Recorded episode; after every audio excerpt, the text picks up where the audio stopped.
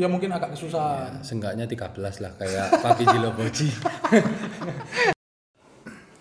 Selamat pagi, selamat siang, selamat malam, kapan pun kalian mendengarkan podcast ini. Kembali lagi dengan saya Hilmi dan Dan saya Nada, ya bisa dipanggil Gembul. Itu aku loh yang ngomong dah ya. Aku dewe loh ya. ya, sebelum kita mulai ada beberapa informasi yang ingin saya sampaikan. Yang pertama ya, eh, saya ingin memperkenalkan eh, line up terbaru dari WTF adalah saya dan Nada dah ya. Ya, Dan kita sudah berkomitmen untuk memberikan informasi, update, preview tentang liga-liga top Eropa. Setiap minggu dah ya? setiap minggu dan menurut wawasan kita. Yes, benar. Jadi kalau ada yang eh, tidak setuju, berbeda pendapat, ya nggak apa-apa dah ya. nggak apa-apa lah. Namanya pandangan manusia masing-masing kan pasti berbeda Nah, tentang suatu hal. minggu ini apa ada yang menarik ya? Yang menarik minggu ini ya Chelsea lawan Liverpool lah. Chelsea lawan Liverpool. Hari Sabtu atau Minggu? Hari Minggu jam setengah sebelas. Hari Minggu jam setengah sebelas malam. Mempertemukan antara dua pelatih, Klopp dan Lampard. Pasti seru dah ya. Wah pastilah, sama-sama terbuka dan sama ya semoga bermain sama-sama open play biar kita sebagai penonton kan pasti terhibur lah dengan pertunjukan kedua tim di di atas lapangan. Karena ya Klopp sampai Lampard kan gaya mainnya main bodoh dah ya. Ya hampir-hampir sama. Offensive gameplay. Hmm, menitik beratkan pada penguasaan bola, bermain menyerang, bermain terbuka. Menurut prediksi muda, skore Hmm, untuk skor mungkin nggak bisa dengan margin yang besar ya, mungkin selisih satu lah. Tapi tetap hmm, dari pada sudut pandang saya Chelsea akan menang. hmm, Ya 2-1, 1-0 atau 3-2 karena meskipun corona ini nggak ada penonton, tapi gimana pun Chelsea bermain di Stamford Bridge diuntungkan sebagai home Kandang. tuan rumah. jadi tiga poin optimis sama muda ya. Optimis lah, Tiga poin. optimis lah. Ya ini pendapat saya tapi sifatnya netral kan, tidak tidak untuk karena saya fans Oh, Chelsea bukan, atau bukan, bukan berarti kamu fans Chelsea, kamu akan no. Apa yakin Chelsea menang ya? nggak. Karena gimana pun tim-tim besar anggapannya sulit sih diprediksi kalau di di Liga Inggris. Dan banyak pertandingan besar itu kadang-kadang tim kandang pun bisa kalah. Hmm. Karena kesalahan-kesalahan kecil yang dilakukan oleh back ataupun gelandang ataupun siapa pun yang ada di situ Apalagi ini Liga Inggris ya. nah sangat-sangat kompetitif kan Hmm. Jadi ketika mungkin Liga Italia, Liga Spanyol, kemarin kita berhadapan dengan tim-tim kecil, tim-tim papan bawah, mungkin apa mendapatkan peluang, ya belum tentu bisa mengkonversikan menjadi gol. Tapi tapi ketika bertemu dengan tim-tim besar, apalagi di Liverpool ada trio Firmansyah, ya hati-hati ini, bisa-bisa ini ada celah kecil mungkin dihukum ini. ya benar Richie James, Aspilicueta ini hati-hati dah ya. Kalau mungkin kalau Anda berbicara tentang Aspilicueta, kalau dia sih bagus sih kalau di area-area pertahanan atau gimana. Cuman kurang sukanya Aspilicueta dia terlalu aman untuk bermain dan Untuk untuk seorang fullback dia terlalu bermain aman dah ya. karena dia jarang banget untuk memberikan crossing-crossing gitu kan. Beda sama beda sama Marcos Alonso ataupun Ben Chilwell ya kan. Marcos Ajuna. Ya bisa. Marcos Ruhu ya kan. Marcos Rojo kan MU. Oh iya, Back, maaf, maaf. back tengah MU. yang yang jarang bermain musim kemarin. Ya, karena salah satu pelawak di Liga Inggris kan. Marcus Rojo adalah salah satu pelawak di Liga Inggris ya. Oh maaf, maaf, ini bahas Chelsea Liverpool apa bahas MU ya? Bebas, bebas. Ya, balik mana, balik mana, balik mana. Iya udah. Apa? Aku setuju. Marcus Alonso memang api. Secara natural kayak crossing, dia hanya di atas rata-rata. Terus dia rajin membantu menyerangan. Tapi mungkin kelemahan DE itu adalah sisi pertahanan DE. DE interceptnya tidak terlalu bagus. Nah, ketika menghadapi tim gede, Omane kalau dia diproyeksikan sebagai fullback kiri, dia kan berhadapan dengan salah langsung. Menurutmu untuk besok akankah Marcos Alonso dimainkan? Ya saya tetap saya di sini sebagai Chelsea. Hmm. Se- sebagai apa fans Chelsea ya. Bukan yang tadi kan netral kan. Kalau saya berharapnya back back kiri Marcos Alonso meskipun dasarnya Marcos Alonso kan wingback. Eh, Tapi beberapa akhir-akhir ini dari season kemarin juga di akhir-akhir season dijadikan Lampard sebagai back kiri kan. Ya cukup bagus lah. Meskipun Marcus Alonso kurang untuk pertahanan karena dasarnya kan wingback bukan fullback seperti itu. Untuk untuk fullback kanan Richie James ya, kamu percaya dah ya? Reggie James. Hmm. Ini menurut pendapat saya ya, bukan perakiraan starting line up nanti seperti apa ya. Kalau menurut saya mending Reggie James dan ya cadangan aja Aspili- Aspilicueta ya. Eh, Karena da- dari dasarnya saya kurang suka dengan gaya bermainnya seperti itu. apalagi Richie James kan ini kan gol kan dia ya. Ya. Pasti dikasih kesempatan. Ya menurut film ngono dah. Mungkin fullback fullback uh, fullback komposisi kanan Richie James eh kirine Aspilicueta untuk meredam salah itu. Beke eh Zoma tetap main. Ambil Rudiger malah menurutku. Rudiger mungkin meneh starter daripada Christensen loh ya. Lek Silva, Silva ambil Chilwell mungkin dia di bangku cadangan. Terlalu riskan soalnya memainkan pemain baru untuk pertandingan penting itu. Karena emang, terlalu emang riskan.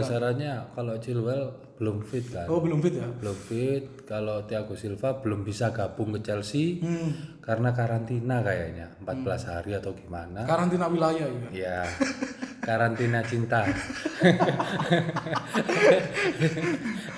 terus terus dah. Terus, oh kalau yang absen satu lagi hakim saya. Oh ya ya, Zie, Zie. Karena dia lagi cedera kan Iya, waktu Ziyech kemarin. Sebelum laga apa Brighton and Hove Albion di sisi latihan dia cedera. Hmm, memang cedera ya. Sekit diperkirakan sekitar satu bulan katanya. Satu bulan. Satu bulan. Suwe dah ya. Ya lumayan lama lah. Gaji buta kan lumayan.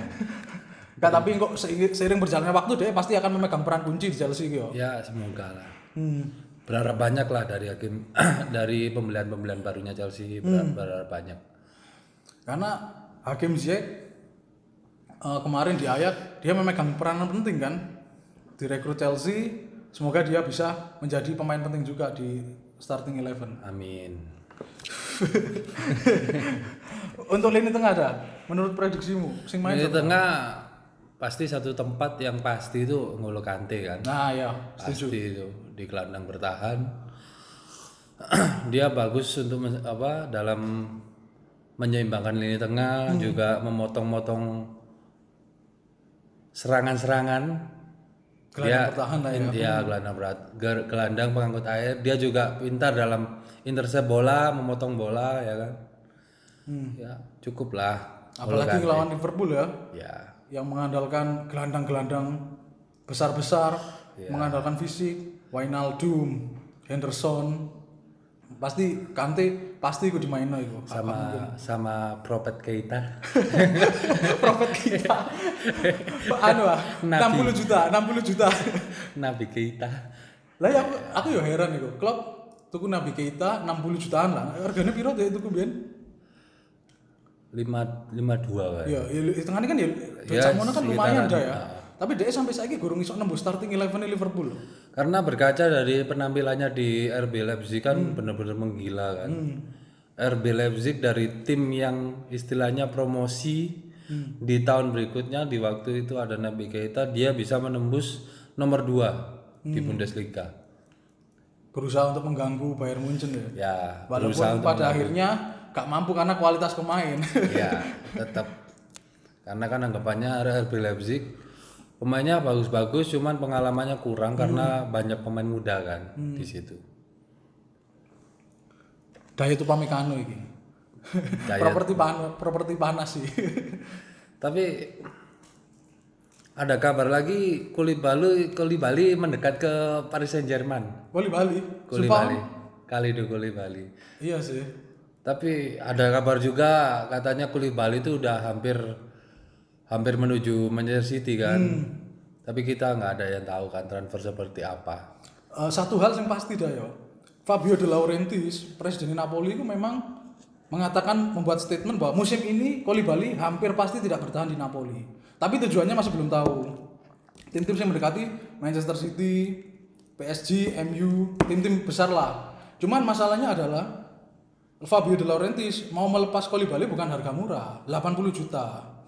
Di situasi corona saat ini, klub itu lebih selektif mengeluarkan uang. Jadi uang 80 juta itu dia masih eh, ragu-ragu mengeluarkan untuk membeli seorang Koulibaly. Tapi diperkirakan dari pihak Manchester City sama pihak PSG cuman bisa di angka 65 sampai 70. Nah, ya karena Manchester City kan duitnya wis gawe tuku Nathan Ake 41, Ferran Torres 20-an lah. 25. 25. Ayo, mungkin dia mungkin dia masih ada duit tapi untuk 80 dia mungkin agak kesusahan. Ya, seenggaknya 13 lah kayak Papi Jiloboji. 80 juta ditawar 13 ya gak oleh dah. Mau 60 juta gak di gak diculnya tambah 13 juta. Tapi sing sing pasti deh anu kok, apa Fabio De Laurentiis musim ini mengatakan bahwa Nap- eh, Koulibaly gak akan bertahan. Karena pihak Napoli juga dari Gennaro Gattuso sendiri juga pingin dana segar kan buat mendatangkan beberapa pemain untuk Yang melengkapi sesuai skemanya dia. Hmm. Ya. Oh, Apa dah? Hilmi, Oh, iya. kita lupa membahas untuk starting lineup-nya Liverpool. Oh iya iya, lanjutkan. Si- Sing Chelsea, kamu wis Maria. Untuk untuk eh, kan tadi gelandang bertahan, gelandang bertahan tempatin N'Golo Kante, sisanya Oh ya, gelandang tengahnya mungkin di Jorginho, hmm, sebagai orang yang mau distribusi bola, di playing. di flying karena mungkin dari di minggu ini karena game Ziyech cedera, mungkin saya lebih prefer ke 4123 ya. Oh, formasinya adalah 4-1-2-3. Hmm. 4123 empat back yang tadi, gelandang bertahan N'Golo Kante, gelandang gelandang gelandang tengahnya nggak pakai gelandang serang mungkin mungkin gelandang serangnya. Eh gelandang gelandang tengahnya Jorginho sama Kovacic. Kovacic ya. ya karena Hakim Ziyech kan cedera. Mungkin pos di Hakim Ziyech sayap kanan diisi oleh Mason Mount tapi mungkin lebih ke free roll. Kayak James Rodriguez di Everton kemarin lawan Tottenham. Hmm. dia dia kanan, winger. tapi yang anu ya ditugaskan untuk mengumpan-mengumpan ya. ya dia winger kanan cuman dia bisa bikin golden opportunity ya kan bisa membuat peluang emas umpan kunci ya kan ke, ke pas. Hmm. ke striker ataupun ke anu dari back eh sayap ka- sayap kiri juga sama tipenya mungkin kayak Havertz Hmm. dia Main, juga dimainkan lagi dah ya kayak ya. dia juga tipenya hampir sama mungkin dibikin sayap cuman tetap free roll gitu loh Advance playmaker. advance playmaker terus untuk striker mungkin ya pasti Tetep Timo, Timo Werner lah dengan kemarin meskipun lawan apa Brighton and Hove Albion dia nyumbang asis lah Hmm. Ikut kontribusi terjadinya golnya Jorginho ya. ya Hmm. Ya, polisi gak fit ada polisi. sebenarnya Pulisic bagus cuman mungkin kalau menurut saya starting line up-nya seperti itu Tapi fit nggak polisi? kayaknya fit sih Fit ya. fit Lalik lalik lalik fit dah. Menurutku adalah luwe ideal iku mon kanan, polisi kiri. Jadi dua tipe. Mon yang advance playmaker, dia winger kan winger diposisikan sebagai winger kanan, tapi gaya mainnya bukan mengandalkan kecepatan. Nah, yang kecepatannya polisi. Untuk mendobrak Nah, kan dia menghadapi Alexander Arnold. Alexander Arnold kan tidak menutup kemungkinan dia mesti maju-maju. Kalau ditempatkan winger yang punya kecepatan, ada ada peluang. ada peluang untuk ngumpan ke tengah untuk Ya semoga trainer Alexander Arnold sama Andre Robertson ke depan tapi nggak balik ke belakang gitu loh. di depan terus dah ya biar biar Virgil van Dijk dan siapa pun Joe Gomez atau Joel Matip berhadapan dengan tiga winger di depan ya Biar biar Virgil van Dijk bisa komedi lagi seperti kemarin. lah iya kok, kok iso ya? Virgil Virgil van Dijk pertandingan membuat dua kesalahan loh hitungan itu. Pertama saya kontrolnya buruk sing keloro ya blunder. Kok iso ya? Meskipun saya berpikir kalau mungkin kemarin itu lawan Leeds United itu pertandingan yang mungkin anggapannya resmi pertama kali set- setelah corona ini. Cuman sebenarnya kalau kelas Virgil van Dijk sebagai salah satu back terbaik dunia nggak nggak seperti itulah. hmm. Ya bisa lah diperbaiki. Namanya juga pertandingan awal juga kan. Hmm. dan itu pun terjadinya juga jarang-jarang ya tapi Dua, ketika dua kali loh. Ah, dua kali kan sampai sampai empat tiga bahaya ya Permainan Leeds kemarin seakan pertandingan antara Liverpool dengan Everton, Bung. Seru dah ya jual beli serangan dah ya Ya, tensi tensi tinggi serangan. Hmm. sampai Liverpool butuh dua penalti Ya untuk untuk starting line up Liverpool sendiri mungkin nggak jauh beda dengan pertandingan lawan Leeds United. ya karena Liverpool ya anjing template banget ya paling perubahan itu juarang banget ya kalau kalau mungkin kalau ada pemain cedera atau pemain tidak fit Mungkin kalau Jurgen Klopp kan tipenya lebih kayak bener-bener pakem gitu loh. hmm, template Formasinya pakem terus mungkin cuman ada beberapa pemain yang pasti jadi kayak super sub.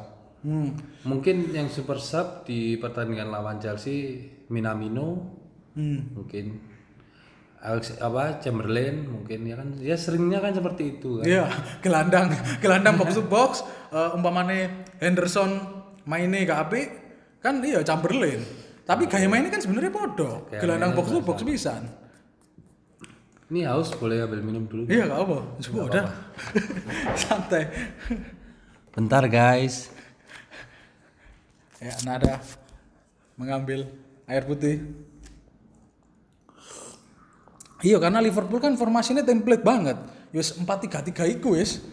Alisson, Virgil van Dijk, Joe Gomez, Leka Jul, Leka Jul Matip, kanane eh, Arnold, kirine Robertson, Fabinho.